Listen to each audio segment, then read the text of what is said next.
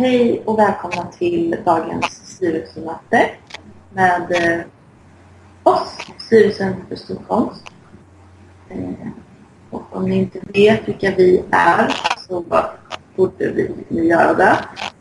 Om inte annat så kommer ni lära känna oss närmare under det här styrelsemötet. Eh, och det vi som ingår i styrelsen är det jag, ordförande Björnmark Kristiansson och det är ordförande Sanna Molin och eh, ordförande Bergmark och ordförande Oxelverk. Ja, hej hej. Hej. Får jag bara säga en sak? Ja. Eh, innan vi börjar. Jag vill, eh, jag vill be om ursäkt för blandade ljudkvaliteter. Ja. Styrelsemötet går till så att vi pratar över internet. Och det gör att det, är lite, det kan bli lite luddigt ljud ibland. Jag vill bara säga det. Mm. Det beror på det. Mm. Och idag, vårt styrelsemöte idag ska handla om en eminent artikel som ordförande Bergmark har skrivit på vår eh, hemsida cargocollective.com styrelse. Vad handlar den om? Eh, det handlar om begreppet PPS, även kallat patriarkalt provokationssyndrom. Eh, det är ett eh, syndrom som drabbar eh, främst manliga konstnärer som handlar om att liksom provokationen är nog och, eh, och liksom innehållet är mindre viktigt. Jag kan läsa lite från artikeln och se om, jag, om det förtydligar saken. Mm. Eh, För att förklara begreppet PPS måste vi börja med att förtydliga att patriarkalt drivna konstnärer ofta lider av brist på empati och hur dessa eh, män därför famlar i mörkret när de genuint vill väcka känslor eller skapa debatt. Dessa konstnärer säger att de ifrågasätter hur och vad som kallas konst samt vad som får sägas i konstens namn. Men vi verkliga experter, som vi ju faktiskt är ordförande, eh, vi har för länge sedan lämnat denna, ifrågeställning, denna frågeställningen. Det är nämligen så här. Allt är okej som konstnär, men allt är inte okej som samhällsmedborgare. När någon blåser liv i en rasistisk, sexistisk och eller homofobisk debatt för konstens skull, då gör denna person detta inte för, för just konstens skull, utan för sin egen höga vinnings skull. Konstnären inser dock inte alltid detta, eftersom dessa konstnärer aldrig riktigt har tillfört något till konsten, bortsett från en besk eftersmak när man hör ord som ja, rondellhund till exempel. Mm. Vad kan det vara för något? Jag vill vara lite sådär otydlig i mina referenser. Ja, ja. Inte gå på personattack allt för mycket. Det är rätt skulle läsa ut. Ja. Därför har vi då kommit fram till att vi måste helt enkelt mötas idag och eh, diskutera va- vart kommer det här syndromet? Det är ju ändå en syndrom. Ett syndrom för vårt samhälle eh, och i- för konsten, för kulturen. Va- Vart kommer det här ifrån? Och enligt mig så kan vi väl kanske försöka lista ut hur vi skulle kunna förebygga det, eh, PPS. Ja, att vi ser lite orsak-verkan på det hela. Mm. Är det någon som har någon eh, liksom, färdig teori lite grann om, om den här bakgrunden till PPS? Alltså det, på ett sätt mm, provokation, eh, provokation genom tiderna har ju varit eh, oerhört viktigt på många vis. Det har, det har ju liksom bidragit till olika slags revolutioner eh, på olika sätt. Men, men, men det är ju inte alltid lätt att veta när man provocerar. Men, det, men just det här PPS ehm, är väl lite undantaget som jag har förstått. Ni får verkligen säga emot mig ifall jag har fel här. Men Mm. PPS är väl otroligt medvetet om när det provocerar och gör, gör det bara för provokationens skull. Det ser väl eh, provokationen som det enda viktiga. Mm. Jo, det kan jag hålla med om. Och, och någon som alltid är i ropet när det gäller det är ju Lars Vilks. Eh, En Mm. person som vi kanske kan Eh, diskutera lite närmare senare. Men, men eh, eh, som du frågar ordförande Salander Lind så jag, jag försöker lista ut något, eh, jag försöker kolla lite här också. Eh, du tänker något rent historiskt? Nej, faktiskt inte. Jag tänker mer... eh, Något i de som utför. det. Ja, var någonstans börjar det här liksom? Man kan ju ha brist, alltså det det står ju i artikeln också, eh, en brist på empati och inte se om man eh, provocerar genom eh, muslimhat, att man inte kan förstå att muslimer faktiskt kan ta illa upp. Mm. Det är ju eh, brist på empati. Ja men en Mm, oförståelse. Ja, Ja, och förståelse. Ja. oförståelse och Och lite nonchalans. Ja, Lite nonchalansen för att inte riktigt bry sig åt vilket håll man ska, sparkar. Man kan sparka uppåt, neråt, åt sidan eller liksom man sparkar var som helst bara, och, bara man själv får uppmärksamhet för det. Mm. Alltså provokation är ju otroligt viktigt i konsten. Mm. Och skulle inte vi tycka det i styrelsen så vore det ju lite hyckleri. För att det finns ju till och med vissa människor som faktiskt blir provocerade av oss. Mm. Vilket är underligt, men ja. Otroligt konstigt. Eh, men jag har ju funderat ganska mycket på det här om, om vad det är som liksom, får de här konstnärerna, framför allt som vi diskuterar just nu, att liksom, vad det är som gör att, att utvecklingen går åt det hållet att de, att de blir de här ofta kända, omdebatterade, synliga konstnärerna eh, med hjälp av sina väldigt eh, provocerande konstverk som ofta inte har något vidare större innehåll. Eh, och jag har en fråga där nu att, att, eh, eh, att ofta tycker jag i alla fall personligen, jag får också rätta mig här om jag anser det annorlunda, men att de här handlingarna som är formade av PPS, att de ofta liksom tar hjälp av den här yttrandefriheten, eller det här Mm eh, det här, att, man, att man skyller eller att man, man använder sig av yttrandefriheten på något Mm. sätt. För att rättfärdiga den här provokationen. Den här, jag har rätt att vädra min åsikt för att vi har yttrandefrihet. Eller att jag får göra vad jag vill för att det råder yttrandefrihet i det här landet. mm. Mm, men precis, att man på försöker något- undersöka yttrandefrihetens gränser.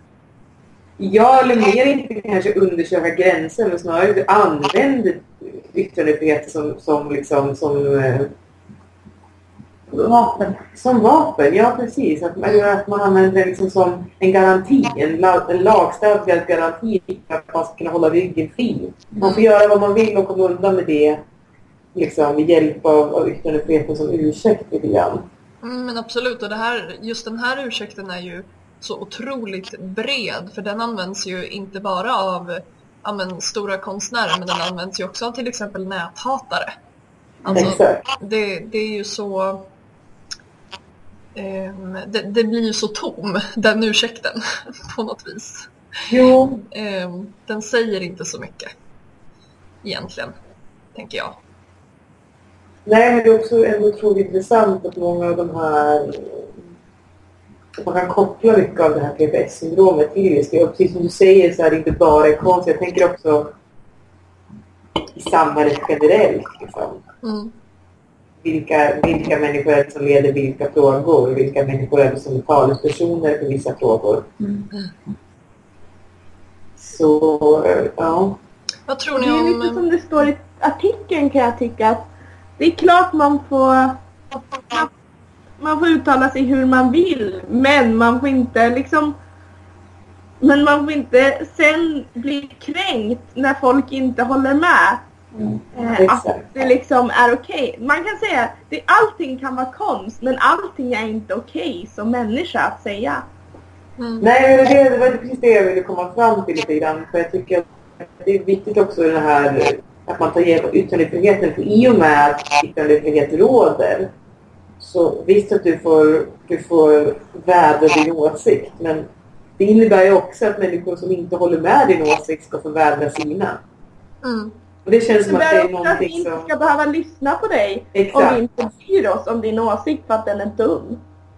Så, jo, men faktiskt. Och det känns som att det är någonting som PPS, eller människor då som lider av PPS, liksom har hoppat över på något sätt. De tror att de på något sätt är, står utanför det här systemet. Mm. Jag tänkte faktiskt komma in på den frågan, jag har suttit och tänkt på den nu lite. Vad tänker ni om, jag tänker kalla den här gruppen som vi pratar om för PPS-are. Eh, Det är bra. vad, vad tänker Ja. ni om, om PPS-are och ansvar? Vart, vart tycker ni att de lägger, vem tycker ni att de lägger ansvar på? Vad är det för ansvar och sånt där? Tänker bara rent allmän tolkning av begreppen här. Ehm, har ni några tankar om det? Jag tror de lägger väldigt mycket ansvar på de som de provocerar Mm. på ett sätt. Ja. För de är ju på något sätt ändå beroende av, ehm, av de provocerade. Alltså de, Jo, de är ute efter en provokation. ehm, men kan också på något sätt baktala provokation. Eller liksom, jag förstår inte varför folk blir... Alltså, ehm, den tonen kan vara lite paradoxal ibland. Mm. Ehm, Jag vill också i och med den, just den kommentaren du sa nu, jag vet inte varför de överreagerar, varför de reagerar så här. Mm. Den, just det uttalandet eller, är ju på ett sätt, tycker jag, att lägga ansvaret på just de som reagerar.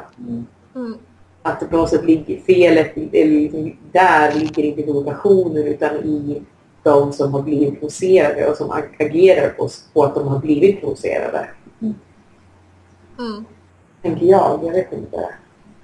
Det känns ju, enligt mig så, så kan det ofta, man kan också liksom ofta säga att ja, men ansvaret ligger ju förstås på konstnären själv, alltid. Men jag funderar på ifall det kan göra det alltid. Och särskilt om man pratar om i konstnärliga sammanhang så kanske man kan lägga ganska mycket ansvar på hur eh, konstvärlden ser ut eller vad det finns för trender inom kulturen. Att det liksom är, ändå är något slags gemensamt ansvar. Jag vet, jag vet inte, jag bara försöker spekulera i ansvarsbegreppet här för det, jag tycker ändå att det är ganska relevant eh, i, i frågan. Jag tänker på ansvar eh, så här typ SD. Eh, att då typ den där frågan som de, vilket SVT-program det nu var i, som var hur mycket rasism får Sverige?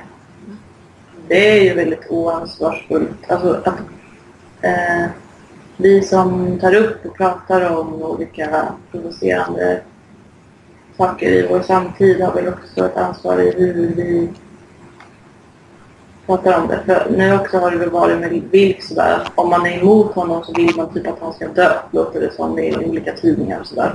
Mm. Ja, Men bara för att man tycker att han gör moraliska snedsteg och är lite hetsig mot olika folkgrupper så... Förlåt, jag bara det var bort. Jo, så kanske man... Ja, men hur man pratar om saker är ju också att eh, hur vi liksom tar upp saker på agendan så här Mm. leder ju till hur vi ser på dem sen. Mm. i- Att det är lite vad konstvärlden lyfter fram. Mm. Att konstvärlden har, eh, konstnären har, konstvärlden har ett ansvar också i vad som syns och hörs mest. Är det Lars Vilks som syns och hörs mest då hamnar också debatten på hans sida på ett sätt. Jo, men det är precis det här jag, vi pratade om i början också. Det, här, just att det är ju de som hörs och syns mest som ofta är de som leder debatten eller som blir de här talespersonerna för frågor eller för eh, liksom, kontroverser i konsten men också liksom även i politiken och i vårt övriga samhälle. Mm. Det är ju på ett sätt så himla fel. För bara för att man höjer rösten mest så innebär inte det att du kan idiota om det du faktiskt pratar om. Att höja rösten kan alla men Mm. vad, vad, de, att sitta inne på riktig liksom, information eller, alltså, eller då kanske en, en riktig moral Det är ju... Ja, det är kanske lite svårare eller lite ovanligare, vet jag. Det känns ju också som att media har blivit otroligt mycket eh, en, en vattendelare eller en avgörare på senare tid. Alltså vad, vad som är provocerande och inte liksom beroende på hur det vinklas i media. Mm. Ehm, Jag ser också att debatten som faktiskt finns i media är väldigt på ett sätt gynnsam för dessa PPS-are. Att när media inte tar debatten längre än till är det här konst? Ska man få säga så här? Ska man få göra? Då är det klart att ingen liksom tänker djupare. Då är det bara en som sitter och säger att det inte är konst och en som sitter och säger att det är konst. mm, Och själva liksom problematiken med att personen i fråga helt, jag har gjort någonting som bara är till för att han ska höras och synas. Den finns liksom inte ens där utan han tas upp som en legitim konstnär. Och det Ja. som ifrågasätts är egentligen inte vad fan han har gjort utan enbart att om det han har gjort är konst eller om han verkligen får säga så här. mm, Jo, precis. det är som att den, den riktiga kärnan av problemet och, och liksom debatten försvinner i och med det. Mm. Jag tänker att eh, jag, jag har upplevt mer när jag har läst artiklar eh, och debattinlägg att eh, mer än att det handlar om vad som är konst och inte eh, så handlar det mer om det senare som du sa där ordförande Bergmark att det handlar om yttrandefrihet eller vad, vad som får sägas och vad som inte får sägas. Det har ju också lite med hur, hur konst, alltså konstens begränsningar och öppenhet att göra. Men, men jag tycker inte det är så mycket så mycket diskussion längre. Det tycker jag var förr och särskilt när Lars Vilks kom, kom ut med sina Mohammed-karikatyrer. Då var det väldigt mycket så. Liksom. Men, men nu efter alla, alla incidenter med Charlie Hebdo och annat eh, så tycker jag att det mer handlar om hur långt får vi gå? Hur, hur, vart, vart tar yttrandefriheten slut? Eller vad man ska säga. Ja, men varför det här ändå uppstår på något sätt? Mm.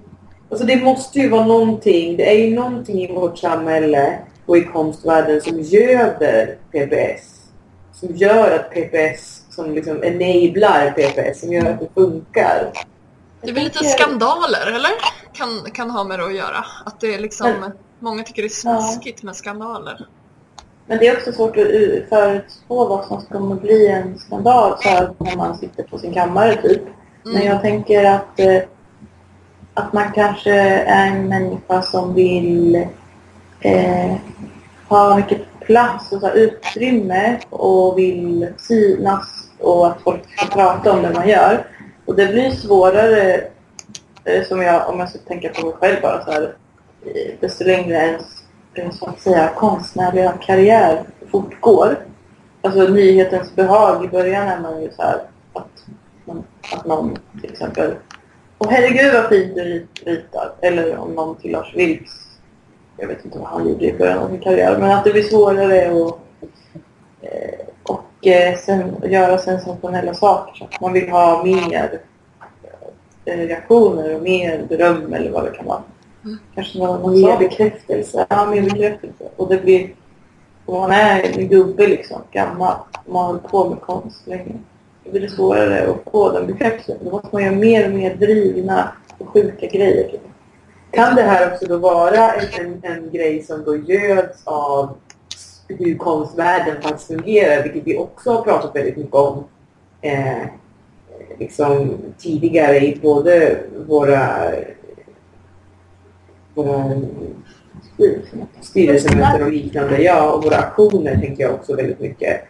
Att det här att eh, konstnärer drivs på ett sätt som gör att man faktiskt inte får det är många konstnärer som inte får det här, den här bekräftelsen. Alltså det är svårt eh, för att få en universell, eller alltså inte universell, det ska vi inte kanske ta i, men att få, att få en bekräftelse som man kanske söker, Som slår an i ja, så behöver man liksom vara av en viss, viss, ofta visst kön, ofta viss ålder, ofta viss kategori och så vidare och så vidare. Kan det vara så att konstvärlden i sig och hur den är så, så, så, så ekonomiskt liksom Mm. påtagligt påverkad. Att den på något sätt driver människor till det här liksom vansinnesstadiet som kanske PPS kan liksom sättas i sammanhang med vansinnesstadiet. Jag tänker, alltså det för mig så finns det två olika sorters eh, provocerande konst. Och den här, eh, att man är en sån människa som eh, behöver göra alla de här sakerna som jag sa förut, kanske. Att det kan ju bli en bra provokation. Och jag tycker att det finns en uppdelning i alltså provocerande konst som ja, men den den upp, jag upplever den alltid som att den ger mig mer om den slår mot de högre samhällsklasserna eller sådär. Att den, och att den påvisar någonting, typ Anna Odell påvisar hur psykiatrin fungerar. Eh, och så. Eh, så det kan också vara en bra grej att, att, eh, att man är så driven som konstnär. Men sen kan det bli fel i vad man gör på konst. Mm. Vi kanske ska prata lite grann om det om den bra, bra provokationer och den dåliga provokationen. Mm. Om man får ta in bra och dåligt i den här diskussionen. Vilken mora, den moraliskt rätta provokationen och den moraliskt felaktiga provokationen. För Är, det alltid, all, är det verkligen alltid rätt att sparka uppåt då? Liksom? Det Vi kanske knappt kan förtydliga med att det som är bra, det är det styrelsen tycker är bra. Och det är ju på riktigt bra då eftersom styrelsen tycker att det är bra. Och det som är dåligt är det styrelsen tycker är dåligt. Och det är då korrekt dåligt eftersom styrelsen tycker att det är dåligt. Ja, tack. Det var bra. Det var bra att du förtydligade det. Det var en bra inblick. Eh, nej men det är väl klart att det inte är kul att slå uppåt för de som är där på uppe på Hyckaret ibland. Men eh, det får man nog ta faktiskt. Om man ska vara där. Men jag kan tycka att även provokation där man slår uppåt, om det inte finns någon substans i den, eller någon liksom, om man inte har något syfte med den så kan den också bli rätt tom och trist och blasé. Ja, det återkommer ju hela tiden till det här, just den här eh, innehållet och substansen hela tiden som jag Mm. Jag vet vad PPS saknar är, är ju just det. Och det går ju liksom, ja, det är ju det som, som gör det. På något sätt.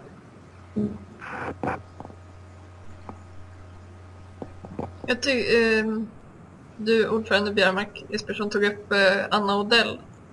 Ehm, Och jag tycker ju hennes provokation med okänd kvinna är bra. Alltså den, den, eh, den, det känns ändå som att det är för en god sak. Det, det är liksom, det finns inget, jag läser absolut inte in någon form av hybris i den provokationen.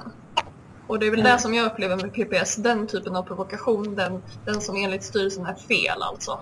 Eh, Mm. den, den har så otroligt, den, den är, för det första så är den bara tom och helt oberättigad på något vis men också framförallt för att eh, den bara uppstår i någon slags hybris om att det, det som jag gör är viktigt och det är viktigt för alla även fast jag inte bryr mig. Det tror jag är Medans, jätteviktigt. Ja. ja, och medans okänd kvinna tycker jag påvisar någonting helt annat. Eller det utgick ändå väldigt mycket från hennes situation. Och, det, alltså, ehm, och vad hon hade för erfarenheter och ville verkligen påvisa någonting. Vilket hon gjorde. Och det blev en otroligt stark och livlig debatt. Men, eh, och sen har inte jag följt upp liksom hur efterdyningarna har blivit. För det kanske man får kolla. Men det, även själva debatten kanske går i vågor. Liksom. Eh, nu känns ämnet med okänd kvinna ganska slutdiskuterat liksom, men, men det kanske inte är, det kanske bara har kommit nya grejer. Men jag, jag tänker att, att den lämnade efter sig en ganska god eftersmak.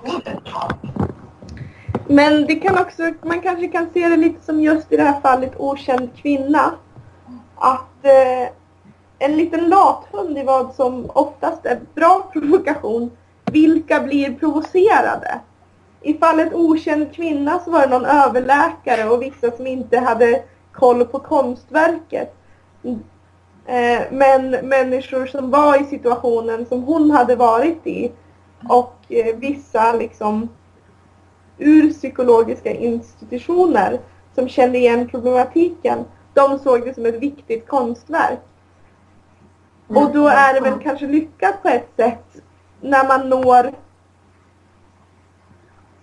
rätt människor. Eller, Kan ja. man inte också säga att eh, ett provocerande konstverk är lyckat när man talar om sin egen, vart man själv kommer ifrån och eh, eller vad tror ni om den tesen? Att eh, det blir lyckat om jag vet hur det är att, eh, ja, som i Anna Odells fall, eh, vara i psykvårdens Mm. händer. Men jag vet, men Lars Vilks vet Mm. inte hur det är att jag vara är som korrekt. eh, muslim. Mm. Jag kan tänka att det är både och. Alltså jag, jag förstår verkligen att det, så jag kan hålla med. Att det är annorlunda när man, det är verkligen annorlunda när man genom provokation poängterar någonting. Om det är självupplevt eller inte. Mm. Att det är, är, handlar, då handlar det, det blir på ett sätt så mycket mer om det finns ju mycket mer kredibilitet i ett sånt verk. Och det handlar ju på ett sätt kanske inte alls om hybris på samma sätt. Det blir svårt kanske att handla om hybris på samma sätt. Eh, men jag kan ju tycka att det finns ju, i- fast trots att det finns människor som gör det här så blir de ju ändå kritiserade av andra människor i samma sits. Man kommer eller inte. Mm. Och, och Ja, just det. hans Ja. verk. Alltså det blev ju väldigt stora klyftor där. Mm. Mm, det är sant. Så att det är ju... Det finns en... Ja, kanske. Men det är, jag tycker det är väldigt svårt att prata om. Men då tänker jag också att eh, diskussionen i efterhand, alltså det som sker efter konstverket, är också viktigt. Mm. Liksom, vad är det som sker, om man tar Vilks som ett exempel, vad är det som sker när han har gjort ett provocerande konstverk? Han sätter sin stuga med en yxa och säger att kom och ta mig då. Medan som i Macmode Lindes fall så blir det en diskussion som han är med på där han tar in och där han lyssnar men där han har sin egen åsikt Ja. som han har tänkt, tänkt över som konststuderande i liksom så och så många år och vill förmedla. Ja, det kan jag skriva upp på. Att jag tycker också att det är där det görs en ganska markant skillnad. Som jag tror är viktigt att också vi poängterar i, den här, i, den här, i det här mötet som vi har. Att, att, det är, att det är där också en provocerande konst där det blir det ena eller det andra på något sätt. Jag funderar på um, hur... Eh, eh, för våran, våran, vi, vi försöker ju komma liksom i underfund med här hur, vad PPS är för någonting. Och det tycker jag är bra då att vi liksom har ställt fram skillnader i att det finns god provokation också. Eh, och, men det finns också jäkligt mycket dålig provokation och där är PPS med och spelar in. Jag, jag funderar på vad vad vi, om ni har några idéer vad vi i styrelsen skulle kunna göra för, för att förebygga PPS. Vi vill ju Mm. inte förebygga provokation men vi vill ju ändå, Just det här betungande syndromet vill vi ju förebygga. vi måste bota. Ja. Finns det några botemedel? Bra fråga. Jag började ju förra veckan började jag göra en liten lista men den har jag lyckats tappa bort i internetvärlden. Men, eh, men en, en punkt där var ju att det, dels var det lite tips på förebyggande liksom, för den som har PPS. Att den skulle kunna Mm. läsa de här tipsen. Eh, och ett sånt tips, alltså det, det är otroligt grundläggande humana saker. Men som helt faller bort för den som har PPS. Eh, och en, Mm. en av de punkterna var i alla fall att ta hänsyn. Alltså Mm. tänk på att, att det inte bara är du här. Eh, det är inte bara du och din hybris. Eh, bland annat. Mm. Och eh, kanske en, en sak kan vara lite vem, Vem och varför gör du det här? Vem gör du det för och varför gör du det? Är det då svaren på de två frågorna för min skull och för att jag ska bli känd, då är det kanske inte någon superbra idé. Då är risken stor för PPS. Då har du redan PPS. Sorry. det. Jo men faktiskt, jag håller med ordförande Bjärmark. Överhuvudtaget, kan man bota PPS tror ni? Alltså, jag tror ju inte det. Men jag är pessimistisk. Eller, för jag upplever att man kan inte lära gamla hundar att sitta. Man kanske inte kan bota dem som... Nej, men jag tänker jag håller med där. Jag kanske inte kan bota dem som redan lider av PPS. Men man kanske kan förhindra att PPS sprids på Mm. något sätt. Så, så för, eh, förut när vi pratade i våran podd, Eh, möte som inte blev av någonting, då sa du Camilla att din, eller förlåt, ordförande också iväg på din lista. Så här, eh, använd gärna. Och då sa jag till dig, men grejen är att de de här människorna använder sin hjärna. Och den fungerar så att de kan inte tänka ett steg, ett varv till. Utan det är, oavsett hur mycket man uppmuntrar, eh, ja det blir en uppmuntran att de ska tänka som oss. Men de kan inte för de har inte den hjärnkapaciteten. Mm. Och jag tror det är väldigt svårt till exempel övertyga en man som är, eller om en man är helt övertygad om att kvinnor bara ska stå vid spisen till exempel. Det är väldigt, även om den mannen kan så acceptera, bara okej, du får väl jobba halvtid då, så tycker den inte att det är rätt. Exakt. Den tyck, mannen tycker fortfarande att kvinnan bara. För det är dens världsbild. Mm. Men om vi, om vi ger konstvärlden liksom, eller om, om vi säger att, att som, som det borde vara och styrelsen bestämde över konstvärlden. Då skulle vi också kunna då lyfta fram inte sådana konstnärer. Så kan Lars Vilk börja jobba på Konsum istället. Ja men lite så. Det här har du tagit upp förut och det tycker jag är...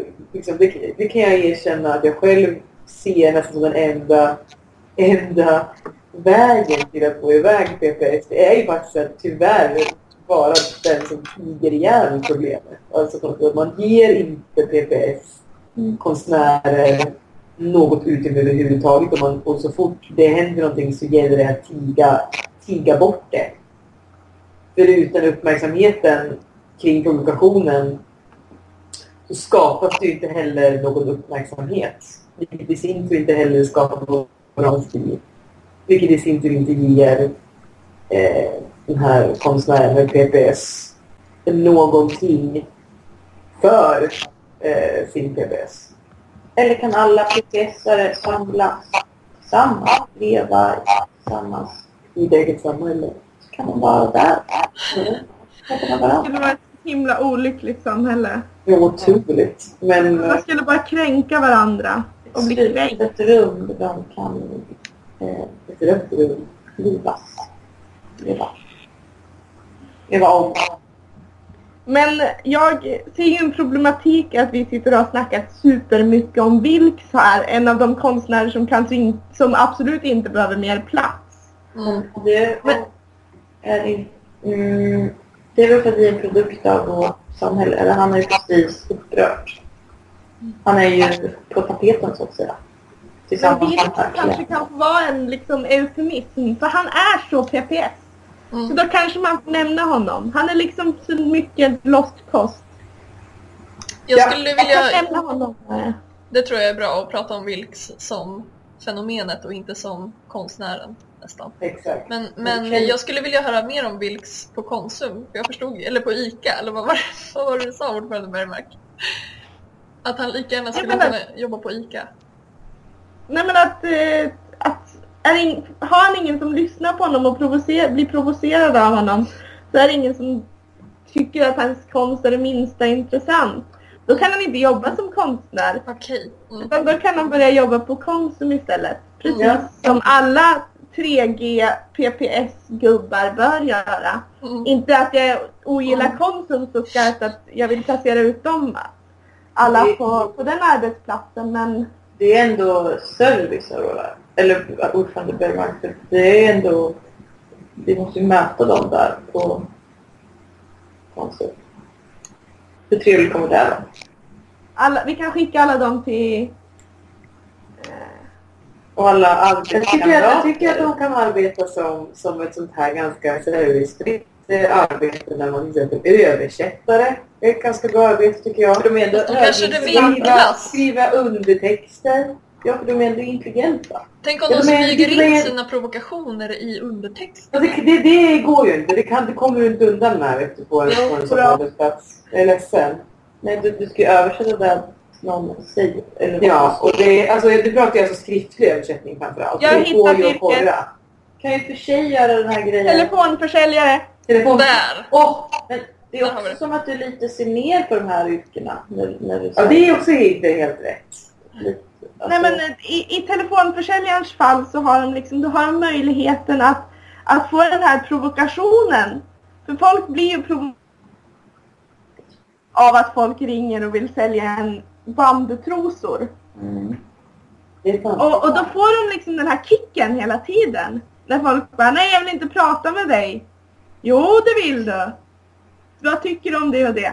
Ja. så att det, är liksom, det, det är positivt för telefonförsäljarna. De får massa gratis arbetskraft. Man kan ändå inte betala dessa gubbar. Det, Och de får provokationen av att störa och uppröra människor. man måste ju också vara väldigt driven som försäljare för, att- alltså, eftersom det kan oftast är produktion.